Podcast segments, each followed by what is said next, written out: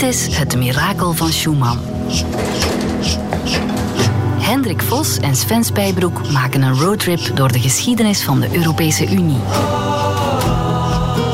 In deze eerste aflevering hoor je hoe de eerste Europese grondwet geschreven en gesmokkeld werd. Ze zijn hier van het eiland weggesmokkeld. Op sigarettenblaadjes. Een keer in een gebraden kip ook heeft ze ze meegenomen. Sven en Hendrik ontmoeten de man die Schumann heilig wil laten verklaren. Alors, il nous faut quand même un vrai miracle. Oui. Sven bladert door Schumanns papieren. Sven blijft af, ik word daar zenuwachtig. Allee, Hendrik, maar dit is de vader van Europa. En we staan aan het graf van Schumann in een kerkje in Frankrijk. Merci, Robert.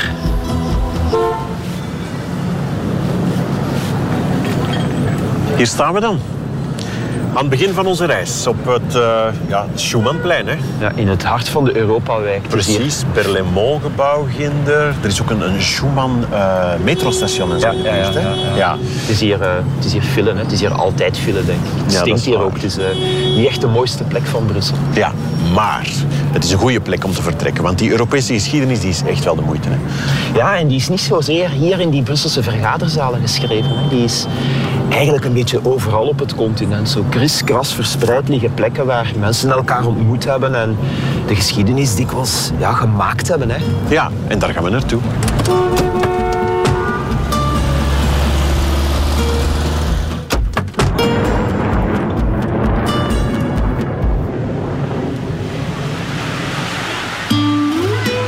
We beginnen dit verhaal in Ventotene. Dat is een eiland voor de kust van Napels, waar twee keer per week een ferry naartoe gaat. We zijn hier omwille van Altiero Spinelli. Klopt. Ja, Altiero Spinelli zat hier gevangen. Dat was een Italiaanse communist die eh, onder Mussolini, de fascist, de dictator van Italië, werd hij opgepakt. Hij is opgepakt al in, in 1927 in Milaan, heeft tien jaar in de gevangenis gezeten op het vasteland en is dan ja, hier op een soort gevangeniseiland in ballingschap moeten komen. Oké. Een soort van, duivelseiland waarin er gedeporteerd werd. Ja, maar de gevangenen die hier zaten, die hadden eigenlijk wel betrekkelijk wat vrijheid. Die, eh, die konden met elkaar praten ook. En die, eh, die konden bezoek krijgen. Ah. Spinelli die, die, Die konden hier- rondlopen zoals wij hier nu. Of? Eh, ja, Spinelli die kweekte hier linzen en tomaten en konijnen. En in zijn, ja, om, om de tijd te doden Ja. herstelde hij horloges. En, of, die mensen hielden zich hier bezig. Maar hij heeft hier wel ja, een jaar of zes gezeten. Tot Mooi. eh, 1943. Oké, maar het klinkt wel gezellig, hè? Het eerste gezicht. Ja, maar die, wat, wat, wat zij deden was eigenlijk ja, nadenken over politiek. En, en dat was eigenlijk verboden, dus dat moest dan wat illegaal gebeuren. Oké, ja. En wacht, dat is een communist, maar wat is het verband met Europa precies? Wel, hij, hij wilde vrede in Europa. En in, in, zijn, ja, zijn kon dat alleen duurzaam zijn als Europa zich zou verenigen. En, en dus als ja, Frankrijk en Duitsland en Italië en zoveel mogelijk andere landen echt ja, in één verenigd Europa zouden opgaan. En hij heeft hier een, een manifest geschreven, het Ventotene-manifest. En eigenlijk is dat een beetje de eerste ja, versie van een soort Europese grondwet. En in wat jaren spreken we dan? Dan spreken we begin jaren 40. Oké, heeft hij hier als eerste zo het idee gehad, of op zijn minst op papier gezet, van een Europese grondwet, dat zou er ongeveer zo en zo moeten Hij uitzien? heeft dat niet op papier gezet, want papier was hier heel schaars. Eh, en ja, moest natuurlijk ook illegaal gebeuren, dus hij moest wel voorzichtig zijn. Wat hier wel was, dat waren sigarettenblaadjes. Heel klein heeft hij dat zitten eh, uitschrijven. Samen met Ernest Rossi. Dat was een, eh, medegevangene die, die op dezelfde lijn zat. En, en samen discussieerden zij daarover. En, Wauw, en op sigarettenblaadjes. maar ze zijn hier van het eiland destijds toen in de oorlog wel weggesmokkeld door de vrouw van een, eh, een, een medegevangene, Ursula Hirschman. Ursula heeft die sigarettenblaadjes van het eiland gesmokkeld. Dat was in haar jas genaaid of in een dubbele bodem van een blikken doos gestoken. Een keer in een gebraden kip ook heeft ze ze meegenomen. Dus het, was een heel avontuur om dat Ja, hier van het eiland te krijgen. Om die eerste versie van een Europese grondwet van het Ja. eiland te krijgen. Ja, en, en dat, dat gerucht deed dan wel de ronde. En Spinelli was wel een bron van inspiratie voor iedereen die droomde van een verenigd Europa. En hier zijn we nu vandaag.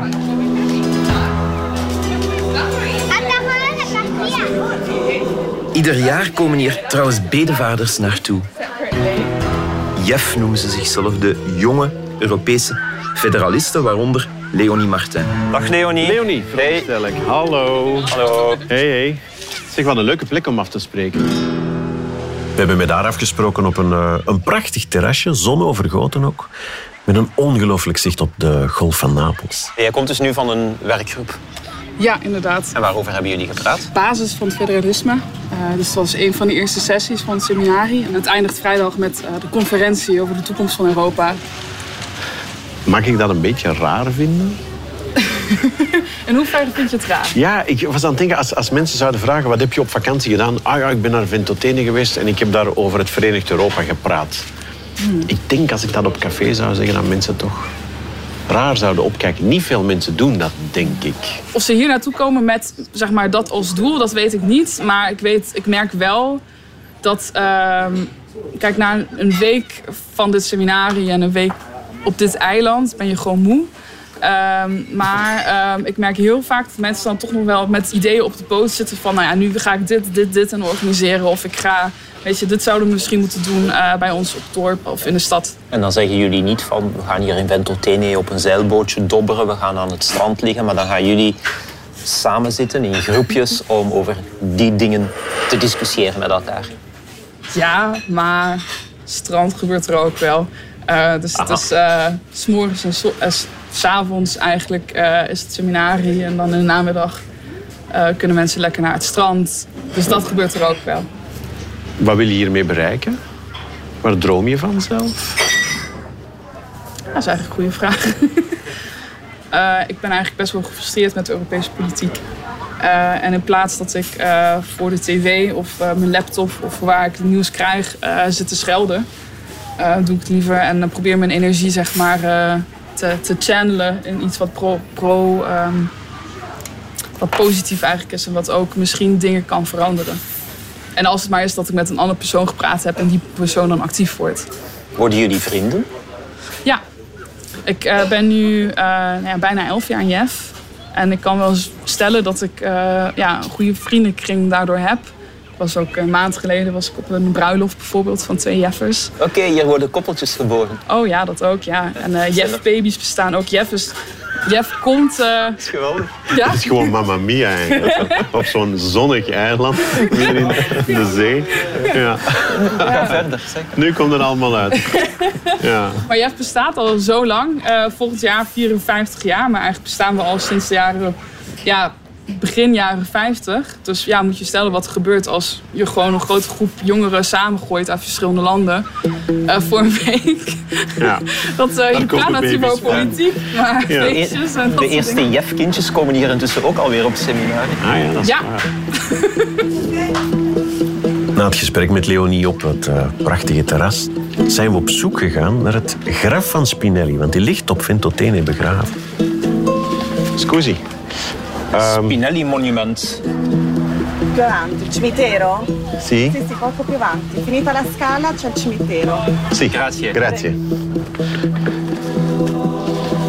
Maar je hebt Schuman, hè? Die, die geldt ook als, als een van de ja, grondleggers van het Verenigd Europa, zeg maar. Die als eerste wat landen bijeen heeft gezet in, wat was de, de EGKS. Ja. Europese Gemeenschap voor Kolen en Staal. Schuman is het heel concreet beginnen aanpakken. Spinelli, zeker in, in de tijd dat hij dat, die grondwet schreef, dat was, dat was een dromer. Hè. Die had geen politieke macht, dat was een communist. Die, die had wel allemaal ideeën en, en die heeft dat ook opgeschreven en die inspireerde mensen. Maar hij heeft, hij heeft het niet gemaakt, niet gedaan. Hij is later wel in de politiek gegaan. Hij is, hij is Europees commissaris geworden, heeft in het Europees parlement gezeten. Maar zo in die beginperiode, Tweede Wereldoorlog, de jaren net nadien, ja, had hij eigenlijk niet de macht om... eh, dingen in beweging te zetten. En dat heeft Schumann wel gedaan. Maar we zouden dus eigenlijk die podcast net zo goed het mirakel van Spinelli kunnen noemen. Omdat die als eerste de visionair was die gezien heeft... een Verenigd Europa, dat is een goed idee. Hij heeft alleszins da- daar echt aan, aan gewerkt. Hij heeft ideeën gehad, hij heeft dat op papier gezet in heel moeilijke omstandigheden. De begraafplaats ligt bovenaan een klif met een fantastisch uitzicht. Ja, zo helemaal ommuurd. Hè. Witte muur zoals je wel vaker ziet op die Zuiderse begraafplaatsen. En het duurde even voor we hem gevonden hadden. Ah, hier. Sven, Wat? ik, eh, ik, ik heb het. Heb je hem? Ja. Waar dat? Waar, waar, waar, waar? waar? Links, ja, grote kransen. Oh, amai. is, eh, Gigantische kransen. Voilà. Altiero Spinelli. Ik moet eerlijk zeggen, Hendrik, die Altiero Spinelli, ik had daar nog nooit van gehoord. Nochtans echt wel Dit is iemand dus- die, die de eerste echte Europese grondwet helemaal heeft uitgeschreven. Ja, dus dat is echt de, de grondlegger, de visionair, de man die dat als eerste heeft gezien. Ja, het feit als hier zo'n gigantische krant staat van... eh, kijk hier, Il Presidente della Repubblica, van de Italiaanse president. Ja, dat wil toch iets zeggen, hè? Ja, Hij is 35 jaar dood. Maar nog altijd blijven ze terugkomen aan deze plek. Ja. De mensen die geloven in het ja, krachtige Europa. Dus als je naar de roots van Europa wil, dan moet je hier zijn.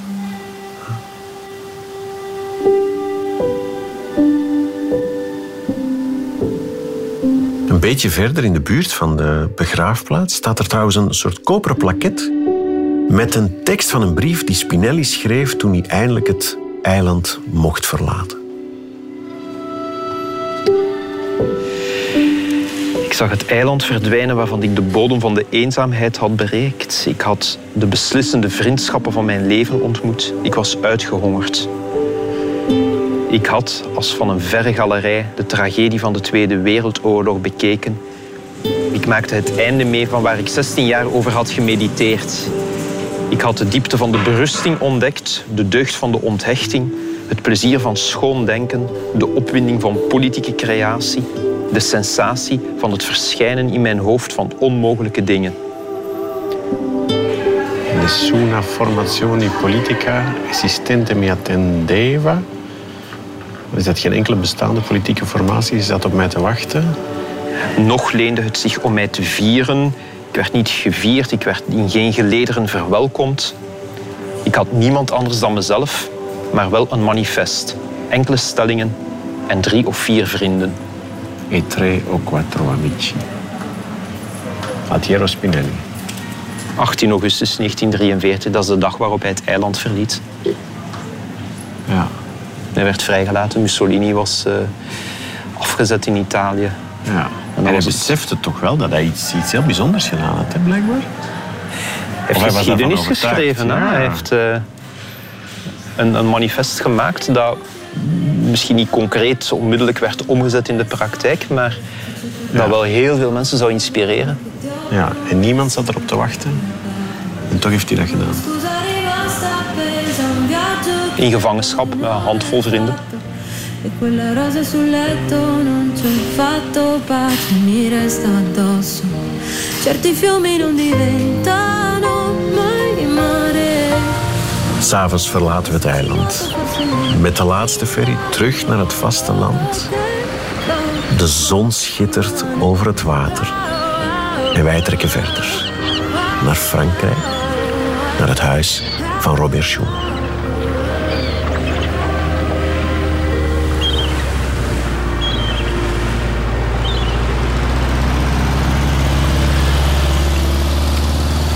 Hendrik, hier kom je dus elk jaar met studenten. Het is een heel mooi, charmant, klein huisje De stijl van de de streek. Kan jij de naam van de gemeente nog eens zeggen? Want, Chichazel. ja, voilà. Chi- Chi- Chi- Chazel. Chichazel. Chichazel. Een, eh, een piepklein dorp. Ik moet eerlijk zeggen dat ik onderweg naar hier er heel vaak op geoefend heb, zo binnensmond. Chichazel, maar ik vind het echt heel moeilijk. Vlak op de grens. Nee, het is Ja, Luxemburg. Ja, Loteringen, Elzas-Loteringen. Dat, dat, in dat gebied zitten we nu, een, een uurtje van Luxemburg. Eh, eigenlijk ook niet zo gigantisch ver van Straatsburg. In, ja, eigenlijk echt in het midden van het gebied waar dat Frankrijk en Duitsland altijd oorlog rondmaakten. Ah ja. Huh. Chichazel. Chichazel. Ja, toch? Ja, ja. Woonde hij hier, Schumann? Of? Hij heeft het eh, gekocht toen hij een jaar of veertig was. Ja? En ja, zijn politieke carrière speelde zich in, vooral in Parijs af. Maar van zodra het kon, kwam hij naar, naar hier. En dan zat hij helemaal op zichzelf, Ja. in alle rust. Had hij een vrouw? Had hij kinderen? nee, hij had geen vrouw, hij hij had geen kinderen. eh, of hij had toch niet voor zover geweten. Maar hij had wel een huishoudster. Marie. Die had hij aangeworven, Marie Kelle. En die is eigenlijk bijna heel zijn leven hier in, in dit huis gebleven. Zorgde voor het huis en zorgde voor hem als hij hier was. Ze maakte eten voor hem. Hij had graag vis met platte kaas. En zij maakte dat klaar. En dan groenten uit de tuin. Dit is geen paleis hè, waar je in komt. We, zijn, nu in de hal. Ja, het voelt een beetje als een pastorie, vind ik zo. Hè? Als je dat zegt van... Ja, nu je het zegt. Van die- ja, er hangt ook een kruisbeeld. Keuken. Allemaal heel ja, En een, simpel, man. Een- De, de, de centrale verwarmingsketel. En die centrale verwarmingsketel... Dames en heren, Hendrik Vos toont mij de centrale verwarming van Robert Schumann. En dat is een centrale verwarming, Sven, die geïnstalleerd is door de nazi's. Pardon? In de Tweede Wereldoorlog is Schumann gevangen genomen. Heeft een, een, een tijdje in Duitsland gezeten, semi-opgesloten, is dan erin geslaagd om te ontsnappen, is ondergedoken. En in die tussentijd was dit huis ja, in beslag genomen door de Duitsers. En de nazi's hebben hier toen centrale verwarming gelegd. Hendrik leidt me dan verder rond in het huis van Schumann met enkele bijzonder interessante weetjes. Dit is de slaapkamer van de huishoudster. Oké. Tot we het topstuk van het huis ontdekken. Wow, een vleugelpiano. Dat is de piano van zijn moeder. Echt? Ze, ze heeft hem ook piano leren spelen. Ja? En hij is erin geslaagd om die in de werkkamer te krijgen. Dit is zijn kantoor, zijn bureau. Wat staat er op? Een, sta wat, een Steinway? Oh, een Steinway. Dat, zijn dat, is, dure eh, dat zijn dure piano's, hè? De piano van Robert Schumann. En zijn bureau hier? En dit was zijn werkkamer, vol met boeken. Hij, hij verzamelde boeken, hij verzamelde handtekeningen ook van pausen en koningen. Oké, goed, ja. En is dan- dit? Wacht, hier ligt iets van papier op zijn bureau. Mag ik hier eens gaan zitten? Van zijn bureau? Van het bureau van Robert Schumann. En hier ligt... Wat is dit? Dit is de speech die hij op 9 mei 1950 heeft uitgesproken. In Parijs, in een salon d'horloge, de grootste zaal van het ministerie van Buitenlandse Zaken op de Quai d'Orsay. En die als een bom is ingeslagen en die ja, geleid heeft tot de Europese eenmaking. Met, met deze speech die hier nu ligt, is het begonnen. L'Europe ne se fera pas d'un coup, ni dans une construction d'ensemble. Elle se fera par des réalisations concrètes, créant d'abord une solidarité de fait. Er waren al plannen geweest om Europa zo in ene keer te gaan verenigen, iets groot politiek, maar, maar dat werkte niet. Mensen zeiden van ja, we, zijn nu, we komen juist uit die Tweede Wereldoorlog. En daarvoor waren ook al oorlogen geweest, dus we komen uit die oorlogen. We zijn nu weer op onszelf. We willen onze soevereiniteit houden. Dus zo één groot Europa, Verenigde Staten van Europa, dat idee leefde wel, maar, maar, maar dat werkte niet. En Schuman zocht iets anders. En dan kwam hij in contact met Jean Monnet. Dat was een cognachandelaar. Die, die, die had de wereld gezien. Oké. Dat was een ambtenaar ook. Die, die was diplomaat ook. Of die, die- die deed van alles. Die reisde van het een naar het ander. En die had het plan om Europa ook te verenigen, maar op een veel concretere manier. Met een heel specifiek project. En hij zei kolen en staal. Want de oorlogen die we gehad hebben, de Frans-Duitse oorlog, de Eerste Wereldoorlog, de Tweede Wereldoorlog, die draaiden altijd rond de controle over de grote kolen- en staalbekkens.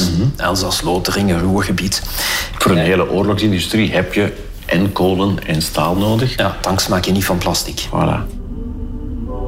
Het idee van, van Monet was eigenlijk, laat ons die kolen en staal niet meer door landen apart beheren, want dan gaan, eh, vroeg of laat gaan ze dan weer met elkaar beginnen vechten. Laat ons een organisatie oprichten die boven de landen staat.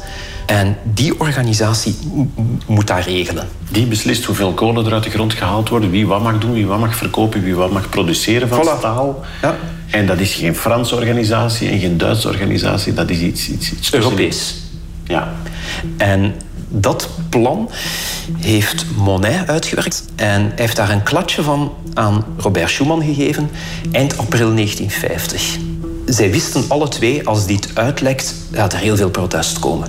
Want de Fransen die gaan zeggen van ja, wij, wij willen niet onze controle over onze, onze, Met de onze stalen. En de Duitsers die, die, die gaan dat ook niet, niet, niet willen, want die willen ook hun eigen kolen houden en die willen weer een grote natie worden. Dus als dit uitlekt, gaat, gaat dat niet werken.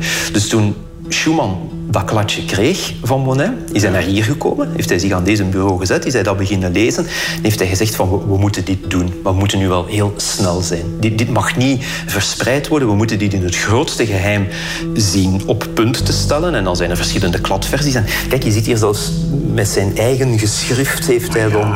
Uh, met, met... En hier staat een datum op, le 9 mei 1950.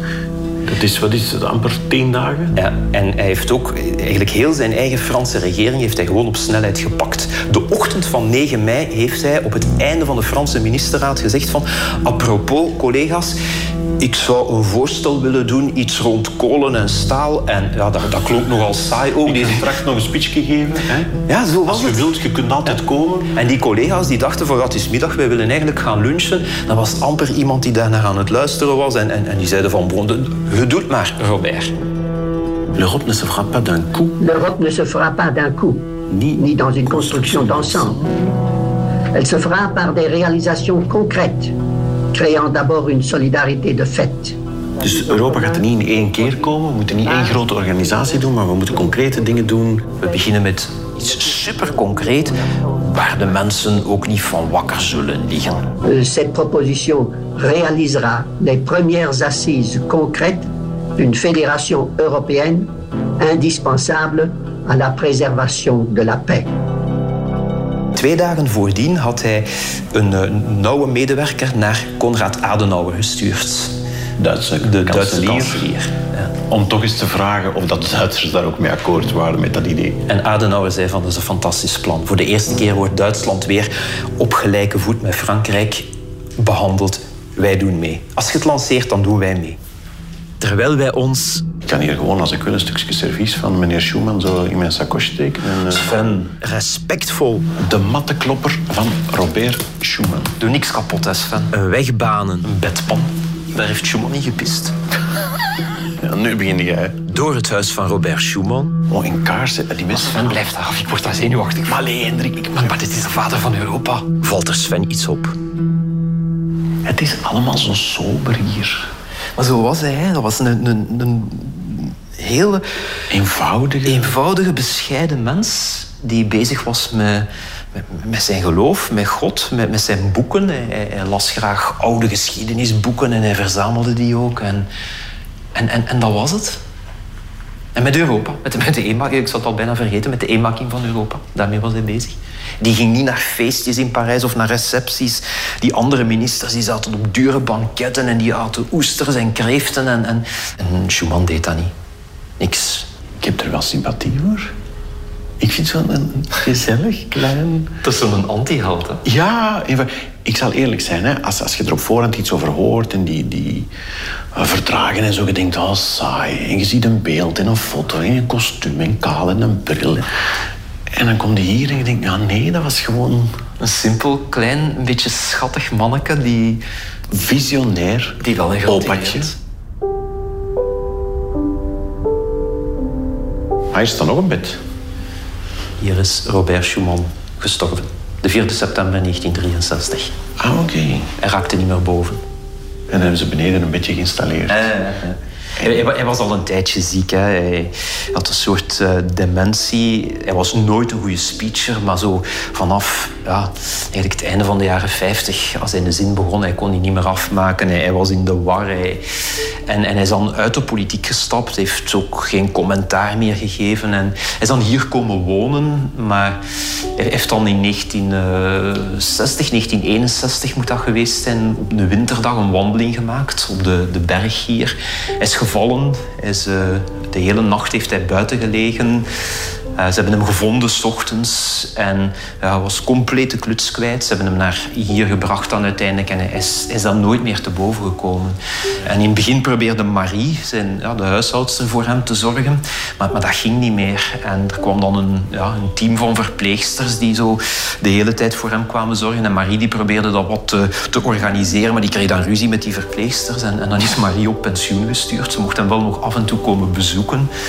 En ja, hier is hij dan stilletjes aan uitgedoofd. En op 4 september 1963 was het gedaan. Vroeg in de ochtend is hij, eh, heeft hij hier zijn laatste adem uitgeblazen.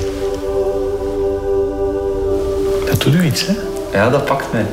Dat is dus dat is de vader van Europa, de stichter van uw vakgebied als professor, Eigenlijk wel. die hier gestorven is. In dit bed staan pilletjes nog op, de, zijn eh, nachttafeltje.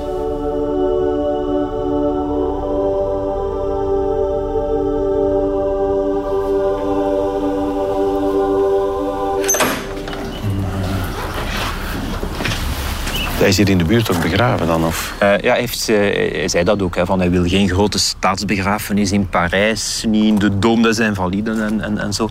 Eh, ze hebben hem eerst begraven op het kerkhofje hier van uh, Chichazel.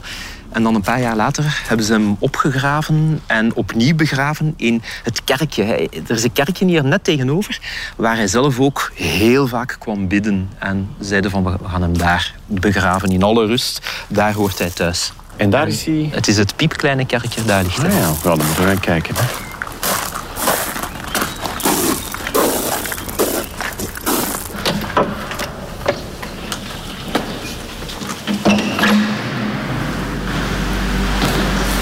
Mooi kerkje. Een zee van eh, Europese vlaggen van alle lidstaten. En een grote Europese vlag. Daar vooraan, opzij. En hier ligt hij. Robert Schumann, 1886-1963. Ja, en een soort, ik denk een bronzen plaket met zijn beeldenis. Bij het altaar, helemaal alleen. De enige mens die hier begraven ligt. Hij heeft Europa verenigd en ervoor gezorgd dat we vandaag nog altijd, hoe, hoe lang is het? 60, 70 jaar? Het is in 1950 dat hij zijn plan heeft ja, naar buiten gebracht. De geboorteakte van de Europese integratie. Als er iemand voor vrede gezorgd heeft in Europa. Dan is het Robert. Ja, het is een klein kerkje, maar ah, ik vind het toch altijd wel indrukwekkend als ik hier kom. Zo de vader van Europa. En hier ligt hij, een paar meter onder ons. Ik kom hier ieder jaar op, eh, ja, op bedevaart met mijn studenten. En dan eh, staan wij hier in een cirkel rond het, eh, het graf. En dan, Ah, ja. een krans hebben we nog nooit meegebracht, maar dan is er toch altijd even een minuut stilte. Dan vraag ik aan de studenten van, is er iemand die nog iets wil zeggen? En is er altijd wel iemand die zegt, merci Robert.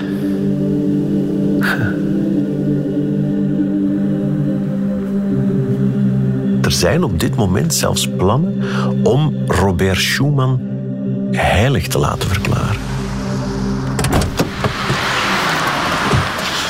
We hebben afgesproken met de man die voor het Vaticaan het dossier van de heiligverklaring voorbereidt. Hoe moet hij zijn naam uitspreken, weet je dat? Zoek eens. Eh, wacht een momentje. Hè. Wat is dat? Is dat Guérigan? Guérigan, denk ik. Ja. Guérigan. Guérigan, ja. Ja, oké. Pierre Guérigan. Pierre Guérigan, monsieur l'abbé. Bonjour, monsieur. Bonjour. Vous êtes monsieur Guérigan. Ah, on se demandait comment on, on doit prononcer votre nom. Pierre Guérigon. Guérigon. Ah, d'accord. Enchanté. Alors, je vais vous montrer là où est-ce qu'on peut. Oui, ça va. D'accord.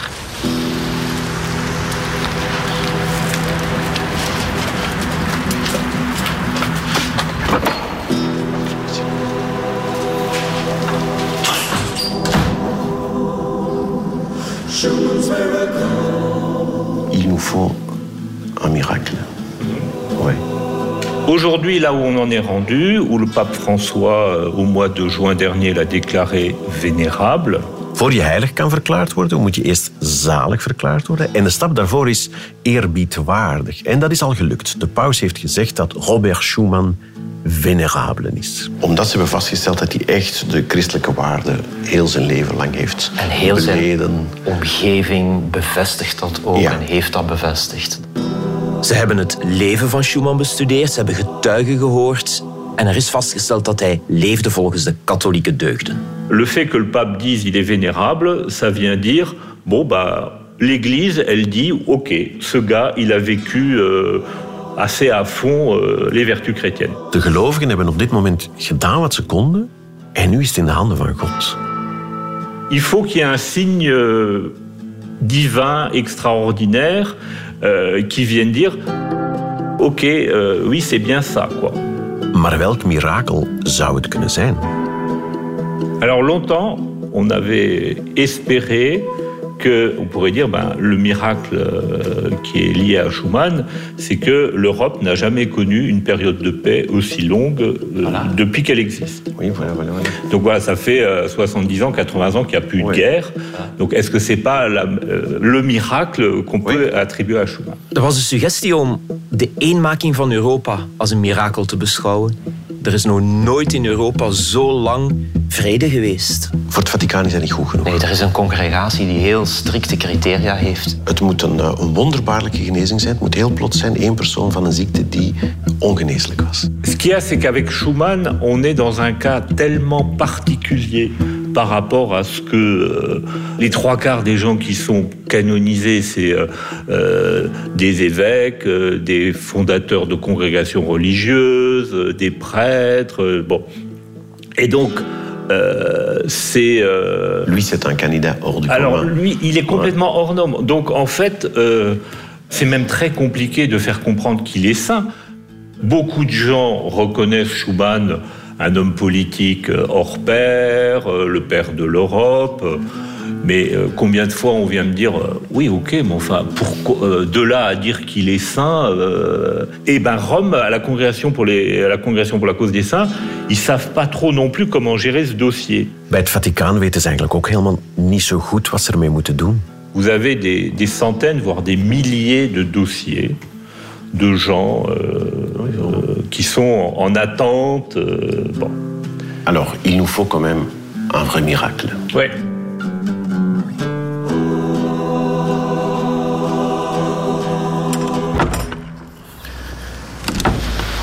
We stappen hier eh, net buiten uit het groot seminarie. En we hebben bij het buitengaan nog iets heel moois gekregen. Kijk, kijk een, ja, een klein prentje, een bidprentje met een foto van Schumann. En op de achterkant staat dus effectief een gebed. Ja. Dat je kan bidden als je de nog niet heilige Schumann wil aanroepen. Prière pour la glorification du serviteur de Dieu Robert Schumann et pour demander des grâces par son intercession. Dus de bedoeling is dat je dit gebed leest om dan te vragen aan Robert Schumann of hij er wil tussenkomen, je wil helpen. En dat zou dan zo'n mirakel kunnen zijn. Seigneur a voulu que tes créatures reflètent ton amour. Ton serviteur Robert Schumann était un fidèle artisan de paix. Dus als je dit gebed leest en er gebeurt dan een wonder, dan kan je dat opsturen naar, wacht, hè, waar staat het hier? Meneer Bernard Ardura in de Viale Giotto 27 in Rome.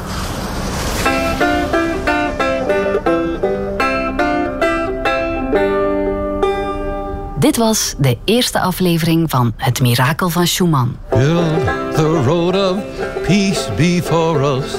Build it wide and deep and long. Een podcast van Radio 1 in samenwerking met het Europees Parlement. Help the weak and guide the strong. Je vindt meer van de roadtrip van Sven en Hendrik op radio1.be en in de Radio 1-app. Beside me, sisters and brothers. All for one and one for all.